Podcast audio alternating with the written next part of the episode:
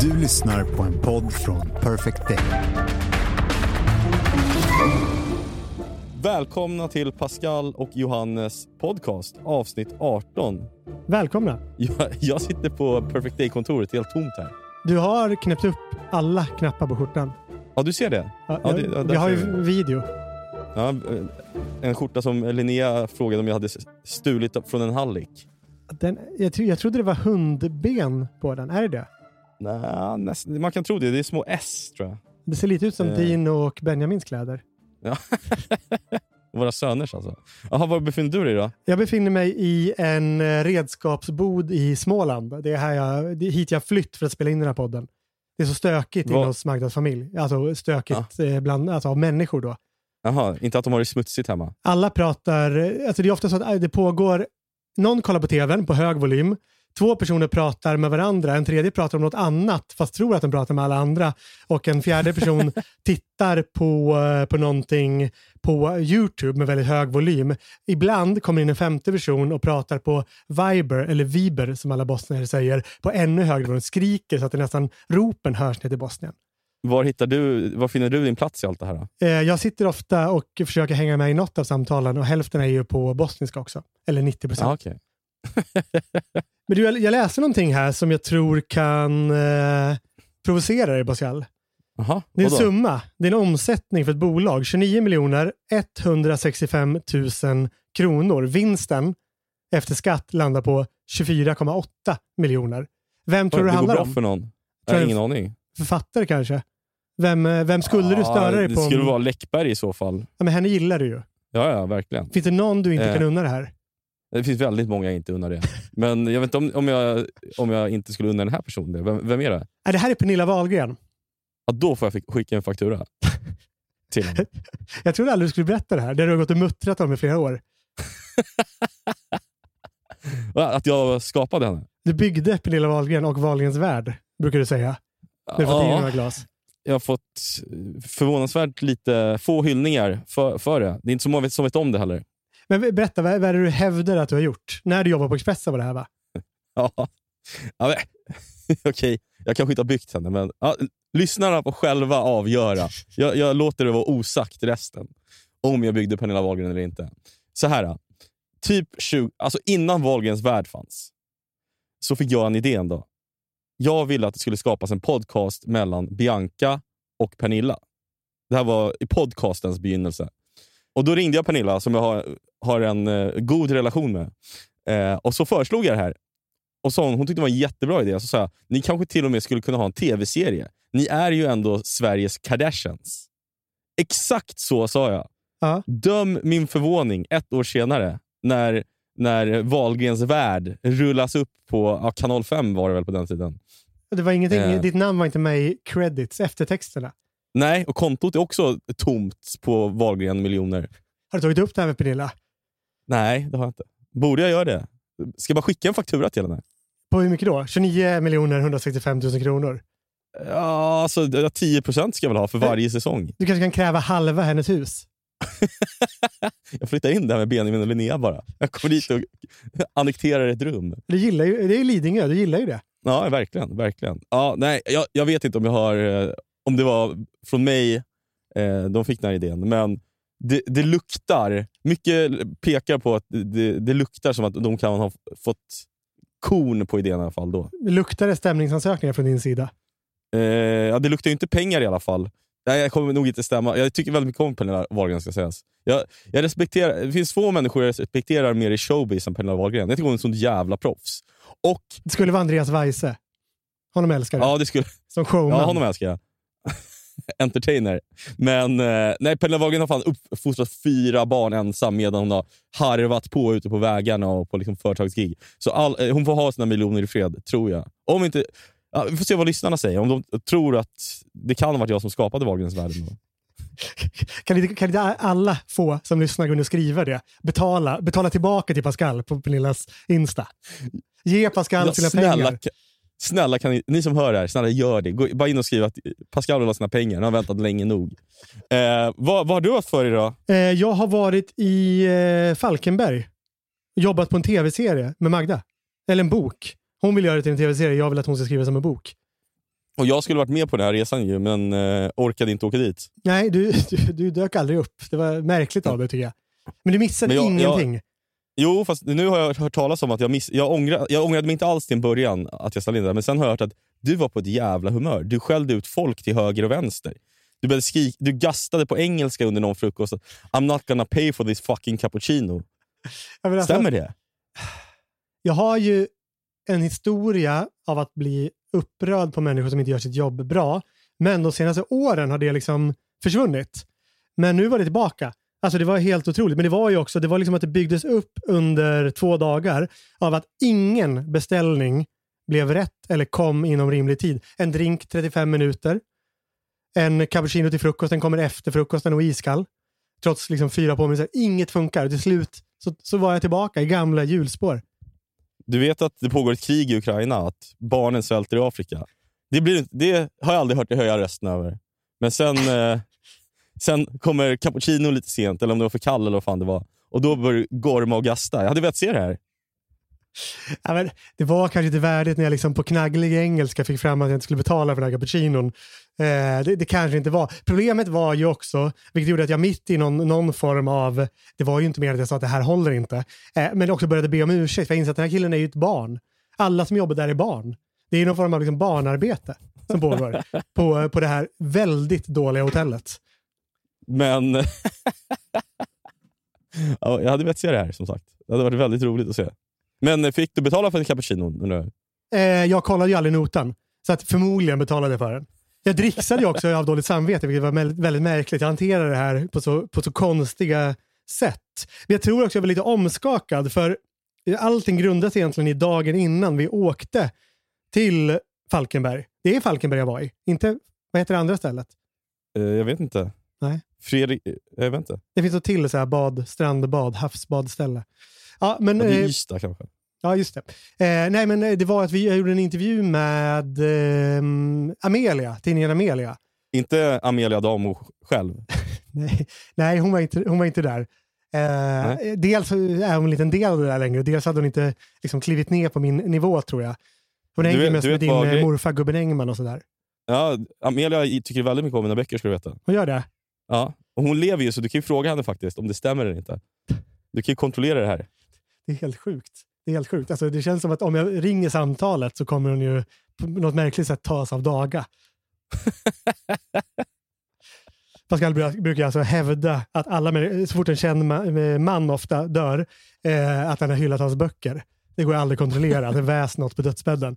Nej men den här intervjun i alla fall, den, på tal om det här med att bygga, att du, att du bygger Pernilla Wahlgren. Du har ju sagt att du, by, du har byggt Elias Giertz, vår roadie, eh, till exempel, Ja, som en eh, Jag, jag medial schweizisk armékniv. Han Ja, håller kanske inte helt med. Eh, du har byggt Elin Kvist som är vad på FLX, Head of drama. eh, Fredrik Herngrens produktionsbolag. Eh, henne har du byggt, säger du. Hon säger inte det. Eh, men jag inser nu att vår chef, Lars Johansson, som byggde oss som eh, nöjesreportrar, han är nu min och din PR-kille och han håller nu på att bygga mig som ansiktet utåt för psykisk ohälsa och ADHD. Precis det jag sa på vår lunch eh, när vi skulle lägga upp PR-planer för min bok. Jag vill inte bli ansiktet utåt för ADHD och psykisk ohälsa. Sen sätter jag min intervju med den här mycket, mycket trevliga reportern som Vänta, den här intervjun är för, inför boksläppet Precis. som kommer i augusti. augusti, precis, men vi skulle åka iväg så vi, vi gjorde det nu. Och jag inser att allt, det är, liksom, det är som att Lars har gett henne ett uppdrag. Han ska forma mig till en person som nästan är psykiskt sjuk.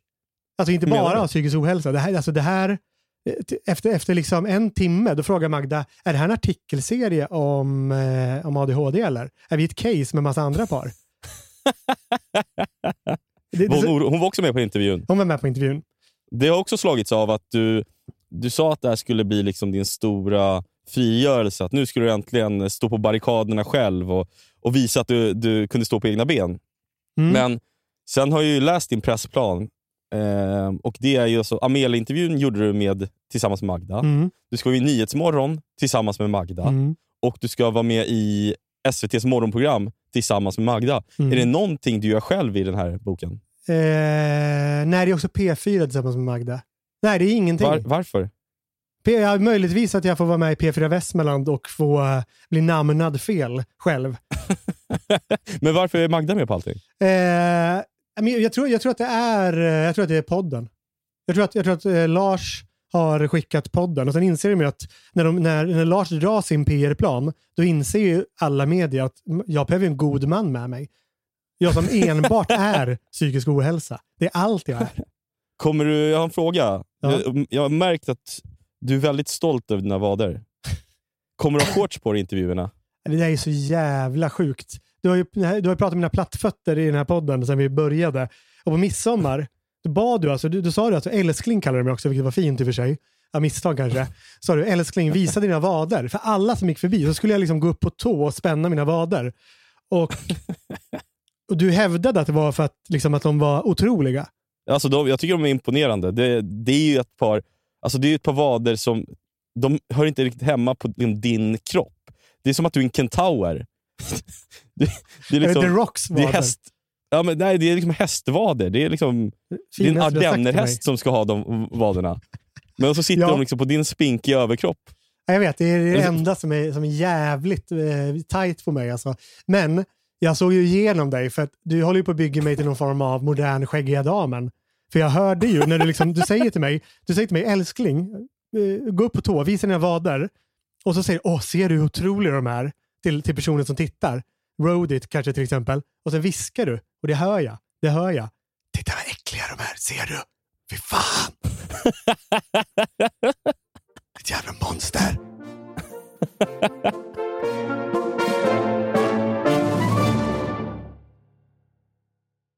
De senaste månaderna så har det hänt något när jag kliver in på Thelins på Odengatan, fiket jag ofta sitter och skriver. Tittar alla på det och säger det här är killen som har stulit allt av Alex Schulman? Nej, Nej. nej. Folk bara hälsar glatt på mig. Men det, samtidigt är det som att det har inte hänt någonting alls på sju år där inne. Och I början var det kanske den konstanten jag uppskattat så mycket, att ingenting förändrades där inne. Ansiktena och inredningen exakt samma som första gången jag satte min fot på det här fiket. Och, ja, men I en föränderlig och turbulent omvärld kan man väl säga att Thelins har varit en, en hamn för mig, en trygg plats. Det är otroligt när jag kommer dit och vi ska skriva och det är ju verkligen samma människor. Varje, till och med jag känner igen dem och du hälsar på 90 procent. Ja, ja. Men nu är det som att ja, både inredningen och stammisarna har blivit för bekanta. Jag, jag, blir liksom inte, jag är inte på tårna längre när jag kliver in där. Det finns ingenting som kittlar, ingenting som min blick dras till. Och eh, Vid mitt senaste besök förra veckan så var det som att jag liksom började gå igenom åren och händelserna som om det hade varit en, en relation som hade börjat knaka. Det är alltså sju år jag har suttit där och alla böcker jag publicerat sedan 2017 har jag planerat eh, och sedan redigerat från exakt samma bord med exakt samma utsikt över Odengatan. Du och jag har skrivit synopsis till både Till minne av en mördare och Skammens väg där inne vid det där bordet. Och nästa bok. Ja, och till Nomadierna. Just. I perioder har jag alltså tillbringat sex, sju timmar om dagen där inne. Jag har liksom sett barn till andra stammisar växa upp. Men inte ditt eget. Jag har sett eh, stammisarna bli äldre och äldre och till slut försvinna och begravas. Ibland är det bara någon gamling som är borta och så frågar man vad som hänt. Och, ah, då är, har han vikt in hovarna. Mm. Men när jag satt där nu senast så började jag insåg att det lider mot sitt slut. Jag förstod att jag var på väg att göra slut med mitt älskade Thelins. När jag jobbade på Expressen så var mitt stammishag Mauros Espresso Bar som låg i korsningen Odengatan-Sveavägen. Där satt jag ofta eh, på morgonen innan jag tog fyrans buss till redaktionen. och ja, Jag satt där och tränade på att skriva för att liksom, plugga in min bristande journalistiska utbildning. Eller som du sa till vår chef, jag planerar intervjuer. Det gjorde jag ju faktiskt. Ibland förlade jag också intervjuer där. Det var, det var på Mauros Espresso Bar i källaren där, det där sidorummet som Schyffert hälsade på mig genom att fråga tränar du mycket eller gillar du bara att klä dig i alldeles för små skjortor? Det kan man säga om Schyffert nu. Ja, exakt. Han anammade min stil kan man säga. Eh, men sen en dag så var jag bara borta. Jag sa inte farväl till någon, utan jag bara försvann därifrån. När jag redigerade Patrioterna hösten 2016 från ett annat fik som hette Odengate på Odengatan så hade jag också varit där i två, tre år. där brukade jag sitta när jag, när jag jobbade på Nytt 24 och det var på Odengate som jag och Expressens redaktionschef Magnus Alselind sågs för första gången när han och Thomas Mattsson ville värva mig till Expressen. Tyvärr skrev, skrev han ingenting på en servett. Du fick, du fick i princip lika mycket peng, eh, pengar i månaden som Alex fick för en krönika. Uh, ja, något sånt. Men sen en dag så var jag bara borta från Odengate också. Jag tar liksom inte farväl av någon. Jag bara gick till Thelins den gången och sen blev jag sittande där fram till nu. Jag eh, såg mig omkring inne på Thelins och det var en känsla av liksom plötslig insikt som man ser på en partner som har varit kär i, men som man har börjat inse att man inte är det längre i. Och Det är sorgligt. Det, är, det är liksom en process som, som pågår ett tag. Ja, men det är en process också som pågår ett tag innan man förstår vad det är, att man har tappat känslorna. Så jag reste mig upp, jag vek ihop datorn och utan att möta någon av de andra stammisarnas blickar så reste jag mig och gick ut på Odengatan. Jag hade gjort slut, men Thelins hade ingen aning om det. Jag kände mig lite som en svikare, en lögnare, en konflikträdd stackare. Samtidigt finns det väl ingen kom, liksom, konvention kring hur man ska bete sig när man byter stammisfik. Jag kan liksom inte rada upp personalen, ta dem i hand och räcka över en blombukett till tjejen bakom kassan eller hänga en medalj om hennes hals. Så sa din morfar Gary Engman när han lämnade er familj och nästa familj och nästa familj också. Ska jag behöva rada upp alla här? Är det inte bättre att jag drar vidare till Piff eller Sniff eller vad hon hette? jag, jag har en vän som alltså på riktigt, han har aldrig gjort slut med någon av sina flickvänner. Det är alltså kanske fem förhållanden som han officiellt sett fortfarande är i. Han har liksom haft väldigt många flickvänner och de har inte heller gjort slut med honom. En dag har han helt enkelt bara liksom flyttat hem till nästa tjej som han i smyg börjar träffa mot slutet av, av förhållandet med den första tjejen. Um, och Jag kände mig lite som honom när jag vandrade omkring där i Vasastan med min datorväska. Jag gav mig av på jakt efter ett nytt café. När jag tänkte tillbaka på hur den här processen med Thelins hade varit så insåg jag att jag redan liksom i ett par veckor när jag gått runt på gatan sneglat in genom fönstren till andra kaféer och fantiserat. Vilket bord skulle jag vilja ha om jag satt där inne? Jag, jag kontrollerade liksom eluttagstillgången. Eh, eh, såg uppmärksamt på ansiktena som satt där inne de flesta ställena dömde jag ut för att jag tyckte att de andra gästerna var för unga eller för trendiga. Det var liksom så ambitiösa frisyrer och säckiga kläder. Och Vissa ställen i Vasastan insåg jag de är så häftiga, de är så trendiga att det är kö långt, alltså långt ut på gatan innan de öppnar. Det, och det, kan inte, det vill inte jag vara med om. Ja, men visst är det det. Det, det kan jag inte vara med om. Däremot, hade du fått glida förbi kön hade du älskat att gå dit. Kanske. Det hade varit en syn. Och Fadde stod där. ja, det, det, är så långt från Thelins där liksom en gång kom, fram, kom in en väldigt smutsig och ovårdad kvinna som gick runt till varje bord och frågade alla manliga gäster om de var hennes son. eller, eller den här äldre damen som varje dag exakt vid klockan tio kommer in utan att beställa någonting. Sen sitter hon och trummar vid bordet närmast kassan fram till klockan 11, för då får man beställa vin inne på Tenins. Och då, då springer hon fram liksom, och beställer sitt första glas vin och sen sitter hon där hela dagen och dricker rödvin. Ett av de här eh, fiken som jag sneglar på ligger på Birger och där sitter det en massa influencers. Du vet eh, Bianca Ingrosso, vem har jag mer sett där? Alice Stenlöf, Louisa Vorge, Vorge eh, och säkert en massa andra som jag inte känner till. Eh, men det gjorde också att eh, de drar till sig en massa liksom chattrande unga tjejer som sitter och pratar och försöker kolla på, på influencersarna. Så det fiket valde jag också bort. Till slut hittade jag ett litet fik som låg på en tvärgata till Odengatan. Eh, Vil vilket är det? Har vi varit där? Eh, vi har inte varit där, men jag orkar inte säga vilket det är. Vadå, för att det kommer så mycket, mycket fans då? Eller alla, alla gubben Engmans B-rudar som, som vill ställa dig till svars för det han har gjort? Nej, jag, Mormor kommer. Vilket, jag kan, du kommer förstå varför jag inte kan säga vilket ställe det är sen. Spännande. Men jag, jag slog mig ner där. Jag kände att jag var bara, bara tvungen att liksom kasta mig ut, prova något nytt, få det gjort. Um, och Jag satte mig på den där utserveringen och beställde en kaffe. Jag följde upp datorn och började skriva och det fungerade bra. För på andra sidan gatan fanns en liten park där det hängde liksom A-lagare i kluster och det var mysigt att se dem. Men så plötsligt när jag satt där och skrev så hörde jag “Hej Pascal”. Jag tittade upp och där stod en kvinna som vi kan kalla för eh, Felicia. hon och jag kände varandra och umgicks en hel del när jag var typ 19. Eller vi var båda typ 19 då. Det var på den tiden jag och eh, Kim Jensen bodde tillsammans i en lägenhet på, på Brantingsgatan vid eh, Tessinparken på Gärdet. Och Det är kanske den ja, men, häftigaste lägenhet jag någonsin bott i. Det var två våningar, sex meter i takhöjd och en egen trädgård. Vi hade väldigt ofta olika efterfester hos oss, så ja, halva Stockholm var väl där vid något tillfälle. Felicia var och är väldigt härlig och på den här tiden så var jag väl lite småförtjust i henne. Så jag blev väldigt glad att se henne, för jag har inte sett henne sedan dess. Vi kramades om och pratade en stund. Och när vi stod där och liksom utbytte artighetsfraser så var det någonting som började skava i mig. Det liksom började klia i min själ. Jag berättade för henne om Benjamin och Linnea och sen frågade, hon, eller sen frågade jag, du då, liksom, hur, hur lever du? Då sa hon, jag är ihop med Gustav igen. Minns du Gustav? Och det gjorde jag verkligen. Jag kommer aldrig någonsin att glömma Gustav. Jag liksom såg hennes mun fortsätta röra sig samtidigt som jag slutade höra vad, vad hon sa.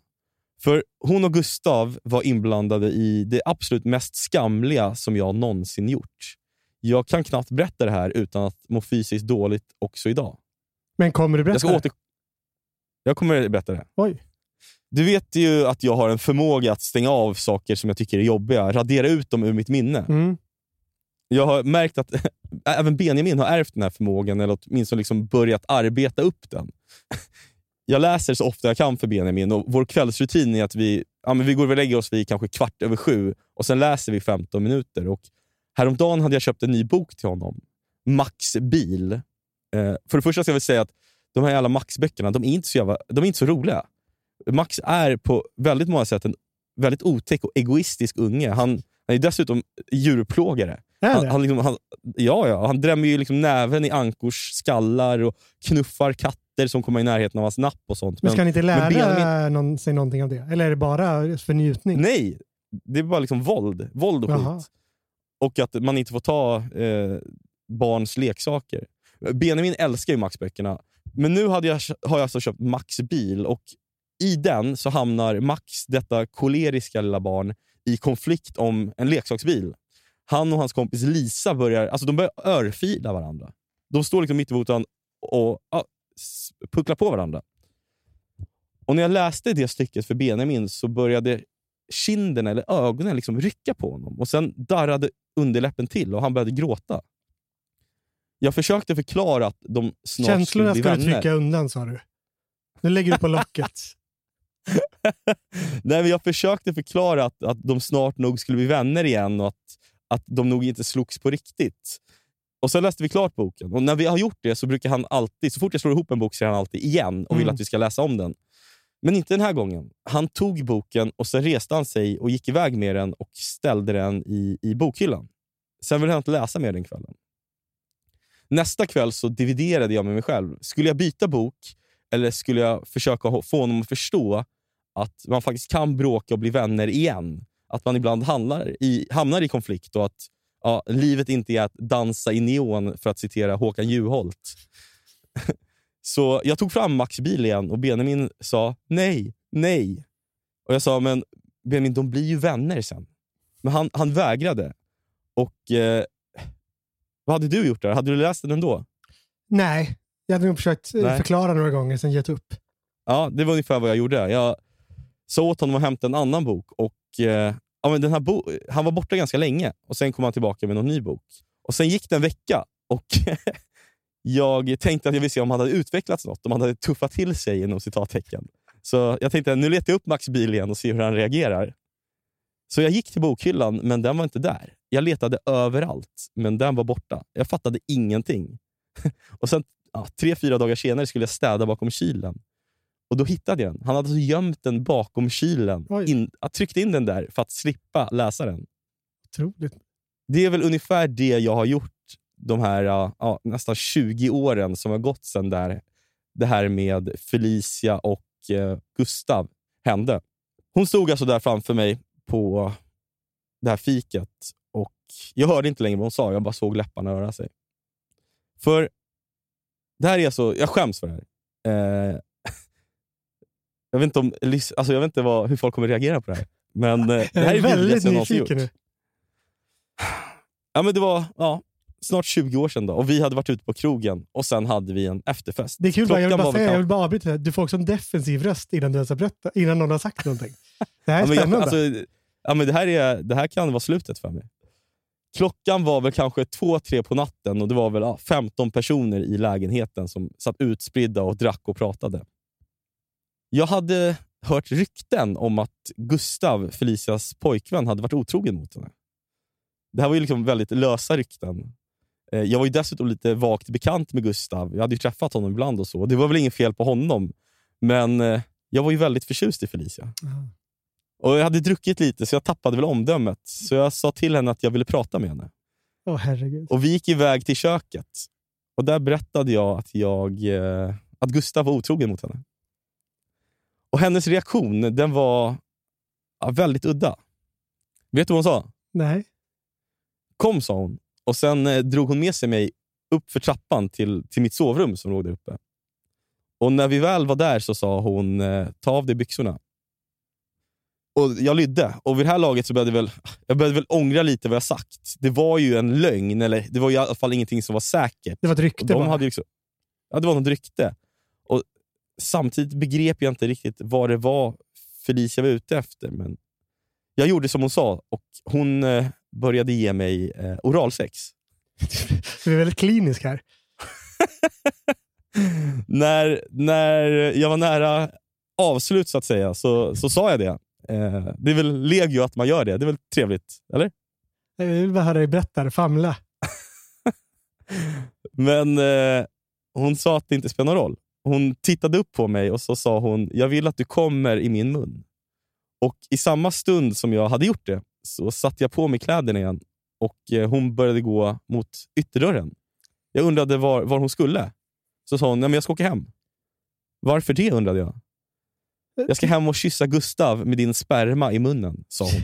Och sen smällde hon igen ytterdörren efter sig. Åh herregud. Förstår du att jag förträngt det här? Ja, det här är, det är många lager av mörker här. Det låter, de Ja, är ihop alltså, ja. förresten. Det är mycket som slår mig här.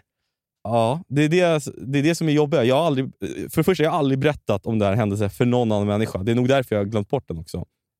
Och när jag träffade henne så kände jag att ja, men jag måste berätta det i podden för att bli renad. Och eh, när, liksom, när jag kom tillbaka till verkligheten stod hon fortfarande kvar och så förklarade hon att Gustav snart skulle komma förbi. Ja. De bor nämligen ovanför kaféet. Eh, så de brukar sitta där ofta. Eh, och mitt, alltså, det som hände var ju att mitt huvud fylldes av frågor. Hade hon aldrig berättat för honom vad som hade hänt? Hade hon kysst honom? Visste han om att det var jag som hade golat? Det här var ju frågor som jag... Jag dog ju inte över att ta reda på svaret egentligen. Jag, gjorde, jag i stort sett bara började rafsa ihop några saker så att jag var tvungen att gå. Så jag skyndade mig därifrån och när jag stod på Odengatan igen så såg jag mig omkring.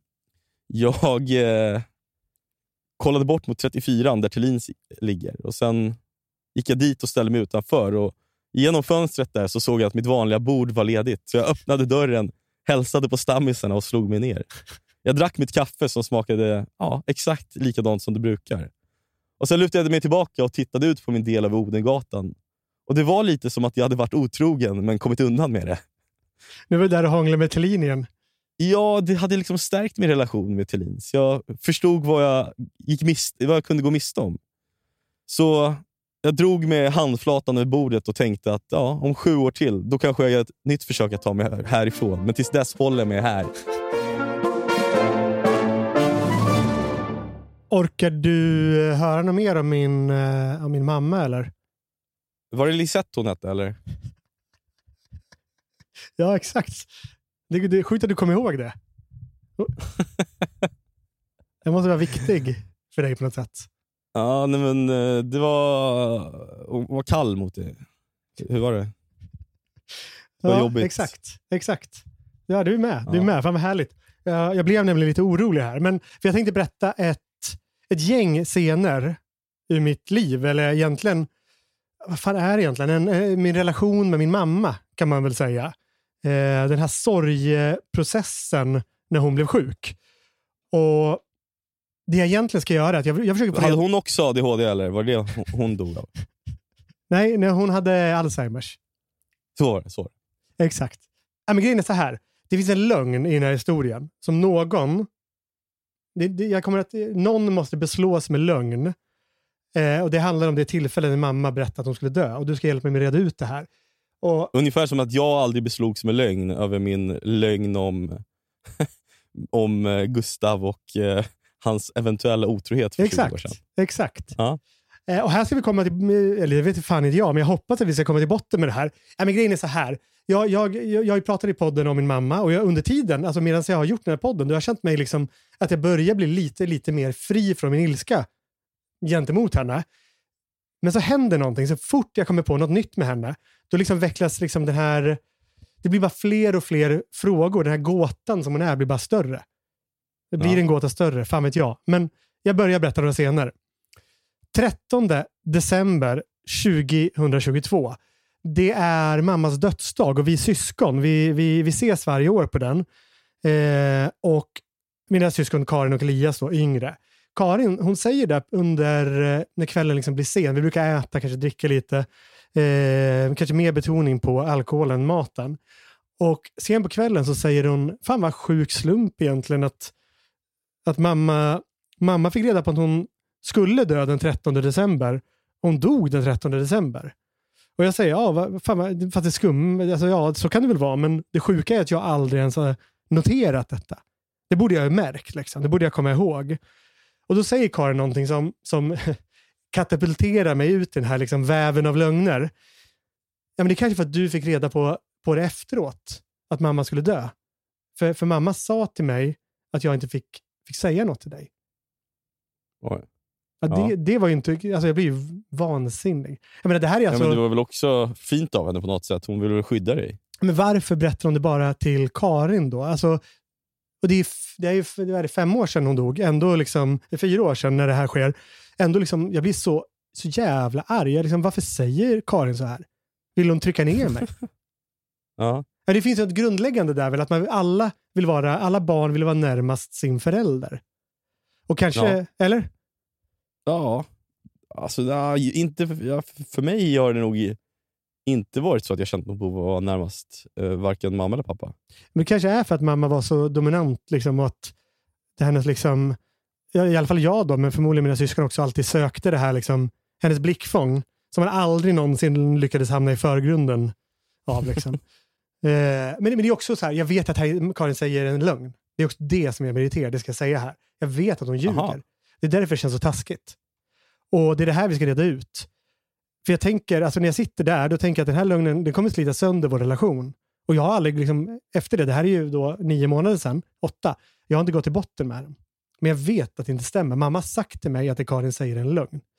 Ja, nu i december 2013, alltså då tio år innan. Mamma lever. Jag är på Aftonbladets redaktion och det är den här veven som gossen, recensenten, filmrecensenten Jan-Olof Andersson, han, är, han dejtar Inger Pippi Nilsson. Jag tror att det är den här kvällen han tar upp henne på redaktionen och visar henne runt. Oj, han har också varit ihop med Camilla Henemark va? Ja, det kanske han har. Det vet Ja. jag inte. Jag tror det. Ja. Ja, han, han kommer, den här perioden kommer han ofta till jobbet i gårdagens kläder. Men vad då så Inger Pippi Nilsson eh, gick runt där på Aftonbladets redaktion? Ja, han, han, han visar runt henne så att säga. Det, det här är väl en sen kväll. Och jag Okej. vet det här för att jag ska intervjua Kodjo som just klivit ur Musikhjälpen-buren. Buren. Eh, så jag sitter och väntar på ett samtal. När jag gör det så ringer min telefon. Och Jag förstår direkt att det här samtalet att det är något allvarligt. Jag slår mig ner på Markus Larsson, eh, recensentens, musikrecensentens plats. Det finns en whiskyflaska där, kom ihåg. Eh, och Det är mamma som ringer. Och Hon säger ehm, Hej Johannes. Och sen börjar hon bara gråta. Och mellan de här liksom snyftningarna så, så mumlar hon fram att, att hon är sjuk. Att hon har fått en diagnos, att det är Alzheimers och att hon, hon ska dö. Och Det går ju knappt att höra vad hon säger, men, men jag vet ändå, för jag har varit rädd för det här i två eller tre år. Och, och jag, gråt, jag gråter också. Och, men innan vi lägger på så ber hon mig om någonting. Hon säger, säg ingenting till Karin. För Karin är så känslig. Det vet du väl? Ja, mm, säger jag. Jag lovar. Och mamma säger att ja, men jag ska berätta henne för hel i helgen, för henne i helgen. Och, men jag vill att du skulle veta först. Och så säger hon, ja, men du är mitt första barn. Det första barnet är alltid speciellt, det vet du väl? Min lilla prins. och, och vi lägger på. och, och Kodjo ringer. Och jävlar vilken otrevlig man. Eh, han, Vadå då? Ja, men han tycker att han har gjort ett stordåd. Att han har varit med i Musikhjälpen. Att han har jobbat 12 timmar om dagen i fyra dagar och fått betalt för det. Det låter som en helt vanlig arbetsdag på en kvällstidning. Exakt. Nej, men han, han, han tycker att jag stör i hans stora stund när han ska liksom få hämta ut lönechecken och alla hyllningar. och, och dagen efter tror jag det är, så åker jag till mamma och jag, jag kommer ihåg att vi kramas i hallen där i huset på Verkmästargatan. Men i samma stund så liksom försvinner alla ord. Det finns liksom ingenting, det finns inget att säga, inget att göra. Vad vi än liksom vad vi än säger så blir det bara värre. Så vi bara är tysta. Och det känns som att liksom, det är den stunden vi både som närmst varandra, men också så längst ifrån varandra. Det är så hemskt. Hösten 2015, då är ju, då vet ju vi alla om att mamma är sjuk. Jag kommer hoppa i tid här, men eh, man hänger med tror jag. Eh, Jag och mina Ja, syskon, vi, vi, vi hanterar sorgen så olika. Sorgen över att mamma ska dö. Du vet att jag berättade i podden om att när vi ska tömma huset och, och Karin vill gå igenom all, varje penal.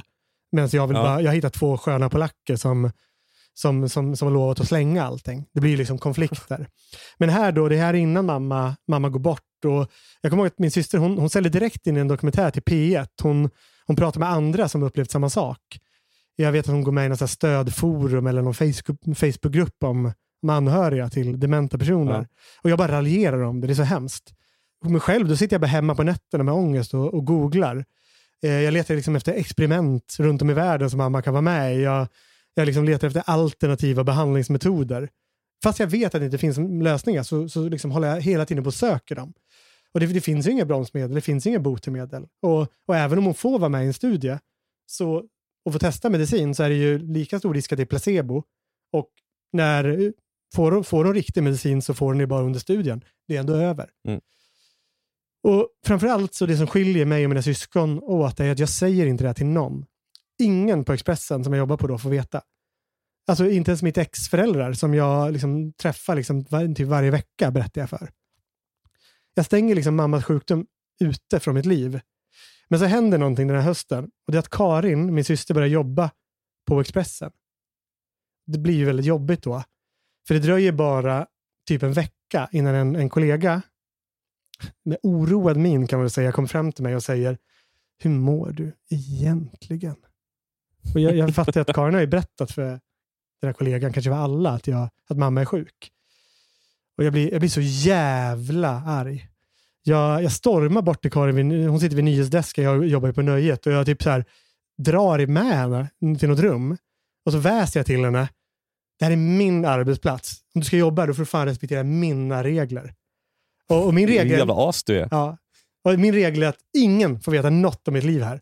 Och det är så, det är så jävla sjukt, för det går ju också emot allt jag står för egentligen. Ja, verkligen. Hösten 2013, det här är alltså när, precis innan mamma får diagnosen. Då. Och Det är så mycket som är konstigt med, med den här hösten. Egentligen hela liksom, de här åren som leder fram till diagnosen. Jag, jag vet att liksom, när jag tänker på det, att jag två år innan säger till mina kompisar Mikael och Lydia att jag tror att, att jag är säker på att mamma fått Alzheimers. För, för hon har börjat agera märkligt. Hon, hon, hon kan inte göra vissa saker som hon kunde göra tidigare, typ internetbanken. Hon, hon har sagt upp sig från jobbet under väldigt märkliga for, former. Och Det minns jag nu, att hon, hon blir sjukskriven för utbrändhet och jag vet, jag vet att jag tänker att men det är helt fel. Det finns ingenting som tyder på det. Eh, men de här åren, det är som att jag liksom bara går och väntar på det här beskedet som, som sen ska komma. Men, ändå har jag inga minnen av att jag pratade med mamma om det. Och Under den här hösten, då vet jag att jag får, jag får veta att en utredning pågår. Jag vet inte vem det är som informerar mig, men kanske att det är eh, hennes man, mammas man, Fred.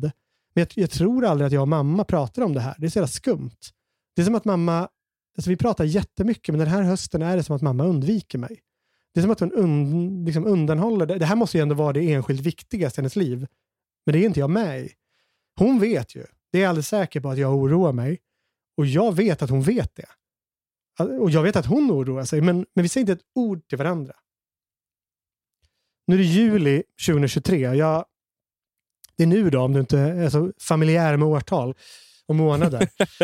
eh, du kommer ihåg att jag, eh, eller sa jag i podden, intervjuades av Amelia, tidningen. Och den här reporten, hon, Linda, hon frågar då om om podden har liksom förändrat min relation till mamma. Och jag säger, ja men jag är nog inte lika arg längre.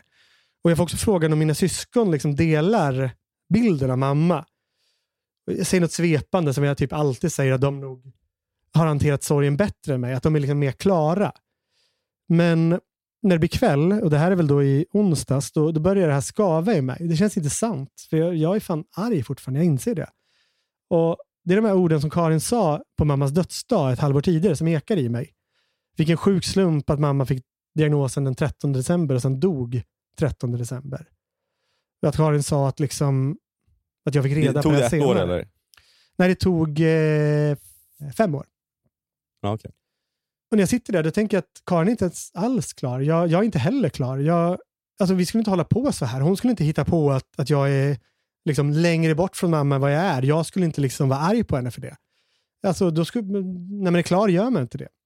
Så det jag gör är att jag börjar googla. Jag skriver in Johannes Selåker, Kodjo Akolor, Musikhjälpen. Och jag hittar den här jävla artikeln. Den är väldigt kort. Är det bra grejer? Nej, det är alltså extremt kort. Jag var väldigt oinspirerad. Kanske förståeligt.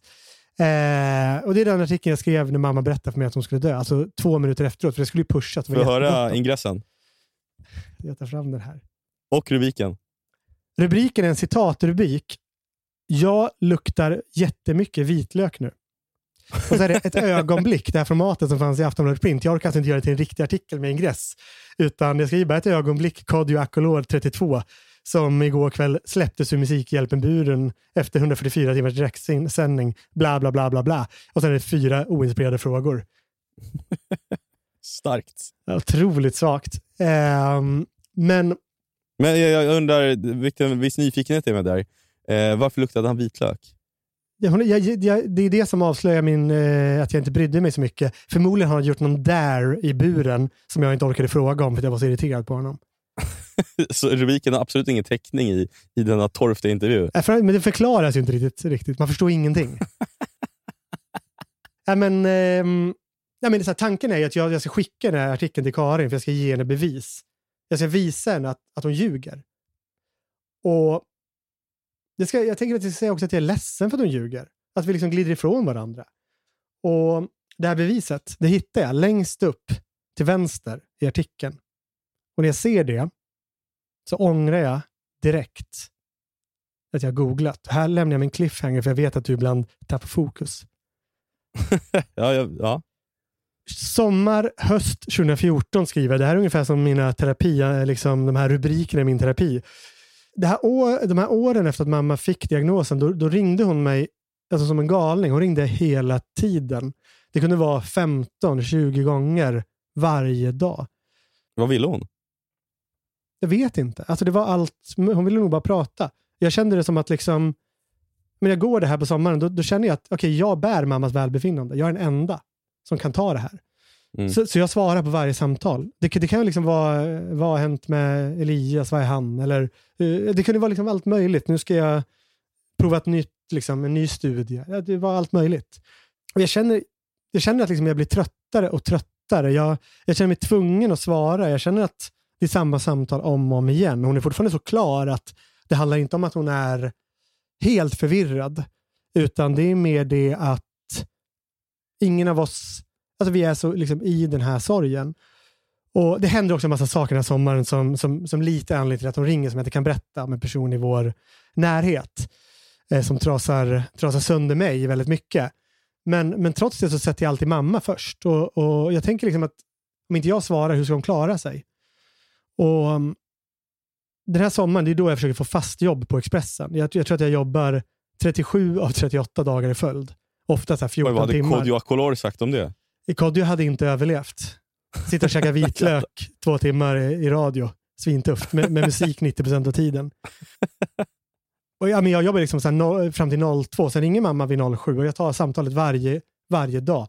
Tills en dag när jag vaknar upp och är så jävla sjuk. Det är en så här sinnessjuk infektion. Jag får typ först en böld på magen och eh, som spräcks. Det är det äckligaste jag varit med om och vår kompis David Liljemäger vill bara se, få bilder på den här skickade till sig. Eh, och jag har liksom feber och extremt hög puls. Jag, jag, jag tappar mitt språk. Jag, jag, jag sitter på jobbet och kan inte skriva mina texter och bara blöder ur magen. Jag vill sluta inte jobba heller, jag är helt galen. Liksom. Och till slut är jag borta från jobbet i tre veckor. Alltså, kroppen säger väl ifrån, det har väl varit för mycket press. Liksom. Och då är det sen augusti och när jag lägger mig där på soffan för att sova, den första, jag, har gått, jag har blivit hemskickad från jobbet för jag inte kan, jag får inte ihop texter. Och då är det första gången jag ställer telefonen på ljudlös.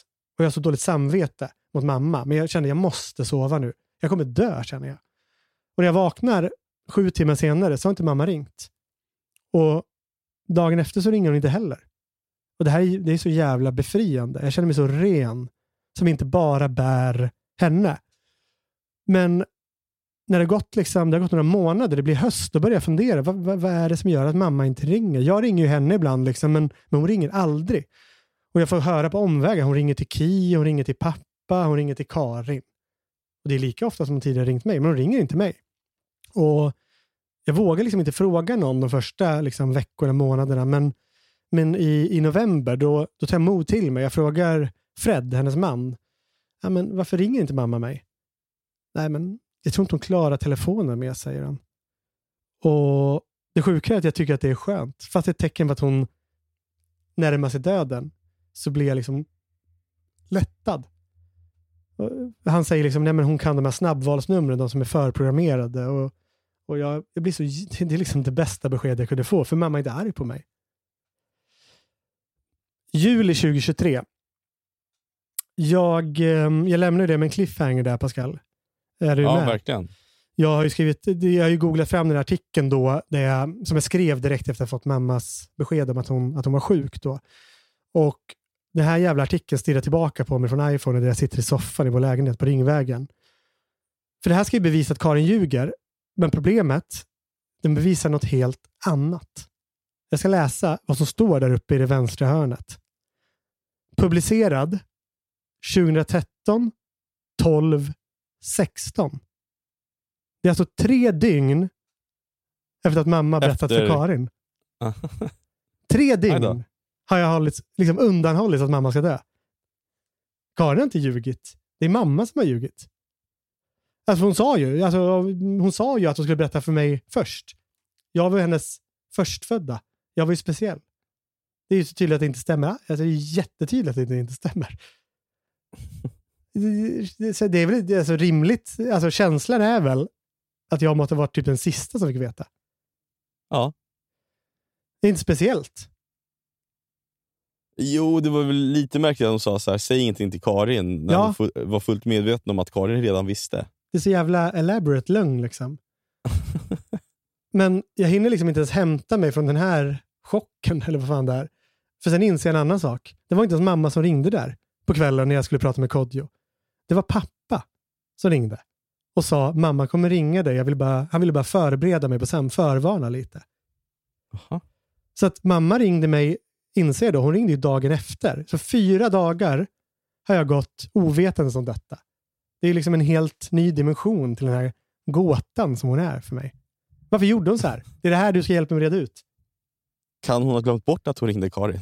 Nej, för det är svårt. För jag, så här, hur arg kan jag vara? Hon är sjuk i en sjukdom som påverkar, påverkar hennes hjärna. Så hur mycket kan jag liksom Ja. förvänta mig? Det är liksom någon form av moralisk aspekt till det här. Men hon var inte påverkad på det sättet. Hon kunde inte sköta en spis. Hon kunde inte sköta räkningar. Men hon, hon, hon glömde ju inte oss. Det här är ju liksom... Det är fem år, alltså det är fyra år till hon glömmer mig. Det Aha. är två, tre år till hon glömmer, börjar glömma typ att köpa cigaretter och till slut sluta röka. Hon kunde ju hantera ett kort och köpa cigaretter, fall, eller kontanter i alla fall. Liksom. Hon var inte så bra på att ta emot växel, hon blev ofta lurad. Men, men hon fick i alla fall sina cigg. Så det, hon har inte glömt det. Alltså jag, det, Vad det, fan kan det vara? ja, men så här, ja, alltså så här, varför vill hon inte dela det här med mig? Jag, alltså, jag är ju ändå en son. Det borde vara rimligt att berätta. Ja, men kanske av omtanke för er då, helt enkelt. Ja, för det är det jag börjar fundera på. Alltså, så här, det finns ju liksom, de, alltså, så här, jag tänker att det kan vara något straff. Hon straffade mig ibland, som barn, som vuxen. Hon sa elaka saker, hon tryckte ner mig. liksom. Men hon hatade ju inte mig. Tror jag inte. Så när jag sitter där, då, då liksom, jag börjar liksom tänka som nu, vi skriver ju på en bok nu, då fogar man samman en massa trådar. Jag börjar liksom deckar författa mig igenom det här. Försöka liksom pussla. Och, men alltså det här med skydda, det är liksom det första jag tänker. Eller det är straff för det första jag tänker, men det andra är väl det här med att skydda. Och, men liksom, på vilket sätt skyddar hon mig genom att hålla mig ovetande? Varför skulle hon då ljuga om det här? Liksom, jag fattar inte riktigt. Det, det är så tydligt att det skulle komma fram. Någon kunde ju ringa mig. Ja. Ja, men jag, jag, ärligt, jag får ju också dåligt samvete mot Karin. Jag har ju alltså varit arg på henne i typ sju månader. Hon måste ju ha märkt av det, att jag var snäsig eller någonting. För jag har ju tänkt att hon ville trycka ner mig.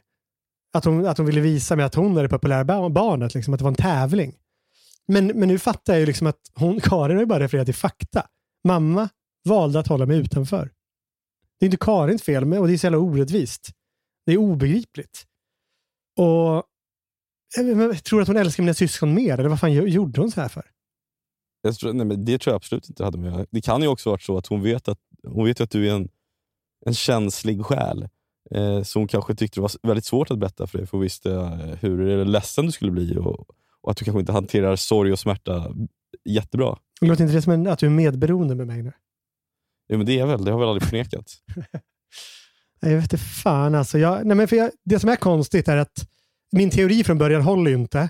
För jag, alltså, att Karin skulle vilja trycka ner mig. För vi har inte, liksom, jag minns ingen liksom, rivalitet mellan mig och... Nej, Alltså, mina jag tror inte syskon. jag heller uppfattat det. Inte alls. Alltså, Elias var ju jättemycket yngre. Han var sju år yngre. Och Karin, hon kanske borde känna... Hon tog ju väldigt lite plats, men hon har ju aldrig visat någon form av rivalitet mot mig som hon kanske liksom rimligtvis borde göra för att jag tog plats. Men sen kom jag också på att så här, vad fan, min mamma gick inte på en enda hockeymatch. Jag spelade hockey i tio år. Hon gick på alla Karins teaterföreställningar och hon fick ett sjukt hockeyintresse lagom till att jag slutade spela med min bror började. För där, där satt hon på läktaren. Alltså, och det är så jävla skumt. Jag tänker ju, alltså helt ärligt, jag tänker typ, jag hatar hon mig? Älskar hon mig inte? Alltså vad fan, varför gjorde hon så här? Kan det vara så att hon gjorde det här medvetet? Liksom, när hon sa att jag när hon sa att jag var speciell för att jag var hennes förstfödda, sa hon då liksom samma till mina syskon? Du är min tredje födda Elias. Eh, Alla vet att det är så speciellt. Tror du det? Eller till, eh, till Karin, att du är min enda dotter, alla vet att det är speciellt. Det går liksom inte att veta. Jag kommer inte få något svar. Alltså vi har ju, alltså, kanske jag mest då, men vi har nog alla sökt hennes bekräftelse. som var väl vår intellektuella och moraliska förebild. Och, eller egentligen en acceptans jag sökt. Det, var, det har varit mitt enda mål, både som barn och säkert i, eller ja, inte säkert, i vuxen ålder också. Och för det finns ju en sak, en sak slår mig. Det finns en sak hon, som skulle kunna anledning till att hon gjorde så här. Om Karin inte får prata med mig och jag inte får prata med Karin och ingen av oss får prata med Elias, då finns ju bara en vi kan prata med. Det är mamma. Då får ju hon något för, för sig själv så att säga. Allt fokus hamnar på henne. Det är ju en eh, ganska hård anklagelse eh, mot, eh, mot en förälder. För varenda förälder som jag har pratat med som har mer liksom än ett barn säger att det finaste de vet är när deras barn leker tillsammans, eller kommer väl överens eller visar varandra godhet. Mm. Eh, men visst, jag känner henne inte lika väl som, eh, som du, så att du kanske har rätt. Det, så, det som är svårt att veta är att hon kunde vara så fruktansvärt elak, men också så fruktansvärt fin. Man, man kan inte veta, jag vet aldrig om hennes motiv. Och det, det är också så här, jag kan inte riktigt vara arg på henne. Det är både mänskligt och hemskt gjort. Alltså, jag är jättearg, men jag kan inte vara arg. Alltså, hon behövde ju oss. Men det fick ju också resultatet att vi syskon drevs isär. Alltså, det är som att ju mer jag får veta om mamma, desto mindre förstår jag. Det är så jävla skumt. Jag, jag, märker, jag märker nog att du, du inte riktigt, du håller inte riktigt med mig om min teori om mamma. Så varför hon agerar som hon gör. Så vi kanske ska gå över på den sista scenen. För det är den jag har med mig min tolkning av varför hon ljög. 13 december 2018. Det är tidig morgon i huset på Verkmästargatan. Det är där mamma bott tills hon blivit för sjuk och flyttat in på det här hemmet. Hennes man Fred är så fin. Han vägrar låta henne flytta på, in på hem fast han liksom inte sover någonting på liksom år. För att han tar hand om henne. Han måste liksom sköta allt och han har ett barn hemma i princip. Ett, ett, en, ett, en, en, en nollåring som kan gå och sätta eld på saker. Och Den här morgonen så står jag i, i hallen där, jag gråter. För min syster Karin har just ringt. Hon har berättat att, att mamma är död. Hon har somnat in under natten. Vi har varit där alla tre för att vaka vid hennes dödsbädd. Men jag och min bror, har, Elias, då, vi har åkt till huset för att sova några timmar. Eh, och då, Det är då hon har gått bort. Karin har varit där, min, min pappa har varit där. Och jag tänder ett ljus. Jag vet inte varför, jag gör inte sådana grejer, men jag tänder ett ljus. Kanske för att mamma gjorde det. Och jag väcker Elias och vi, vi röker en cigg under fläkten. Ingen av oss rökte, men mamma gjorde det på 90-talet. Och på min iPhone så spelar jag gärna mammas älsklingslåtar. Jag kan avsluta det här segmentet med den. Och innan vi åker till mamma på boendet för att säga hej då, för sista gången, bara liksom pussa henne på pannan som hon brukade göra på mig, klappa henne på kinden. Så går jag fram till hemtelefonen. Jag vet inte, det är en ingivelse bara. Jag vet inte varför jag gör det. Men jag klickar upp de här snabbvalsnumren. Och det är ju där. Nummer fyra. Mitt telefonnummer och mitt namn. Jag fanns på speeddial hela tiden. Alla de där åren som hon inte ringde, det var inget problem för henne att ringa mig. Hon ville bara inte göra det. Någon gång, jag vet inte när, jag vet inte varför, så valde hon bort mig. Och jag kommer aldrig få veta varför. Allting kan gå i tur Men mitt hjärta kan gå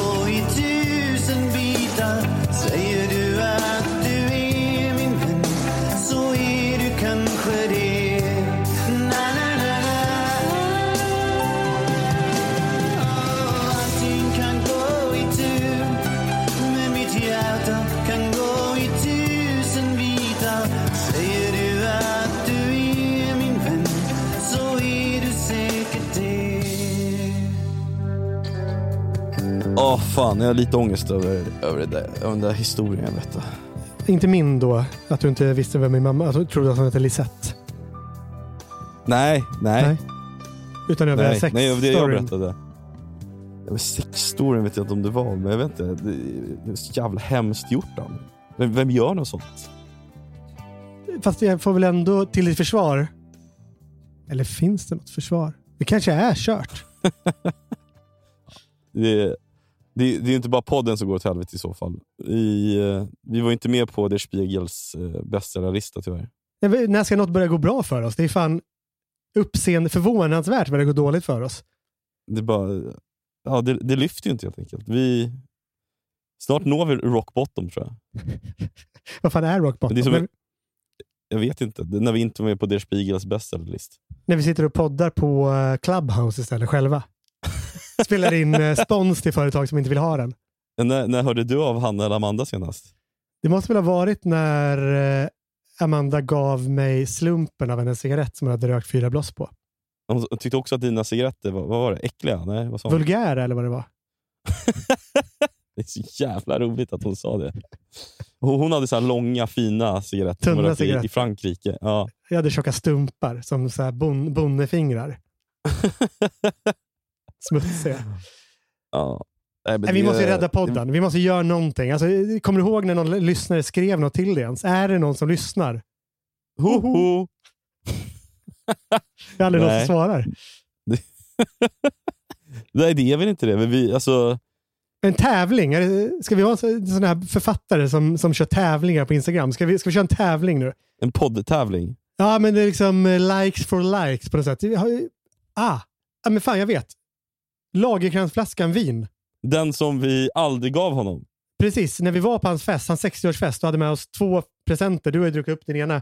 Jag har ju min 1000 kronors flaska kvar. Som jag eh, på något sätt tog du- stal från hans eh, presentbord. Tryckte ner Du väskan. tog tillbaka den helt enkelt. När han inte visste vem du var. Ska vi, den lyssnare som värvar flest nya lyssnare får den här jävla flaskan. Den kan fan få dricka den med oss. Men hur, eh, hur, ska, hur ska vi veta eh, att den har värvat så många personer då? Alla nya lyssnare ska gå in på Lokens Instagram och kommentera varje bild med Lapa-Lok. Och sen, ja, och sen skickar vi vinflaskan då till en av de här nya lyssnare får det bli. Precis. Här har vi det ju. Har vi räddat podden? Jag vet inte. kan något rädda den? In och skriv på Lokens Insta nu. Jag vet inte vad det här ska göra för oss, men gör det. Storma Lokens Insta nu. Lapa! Lok! Hallå! Hoho! Ma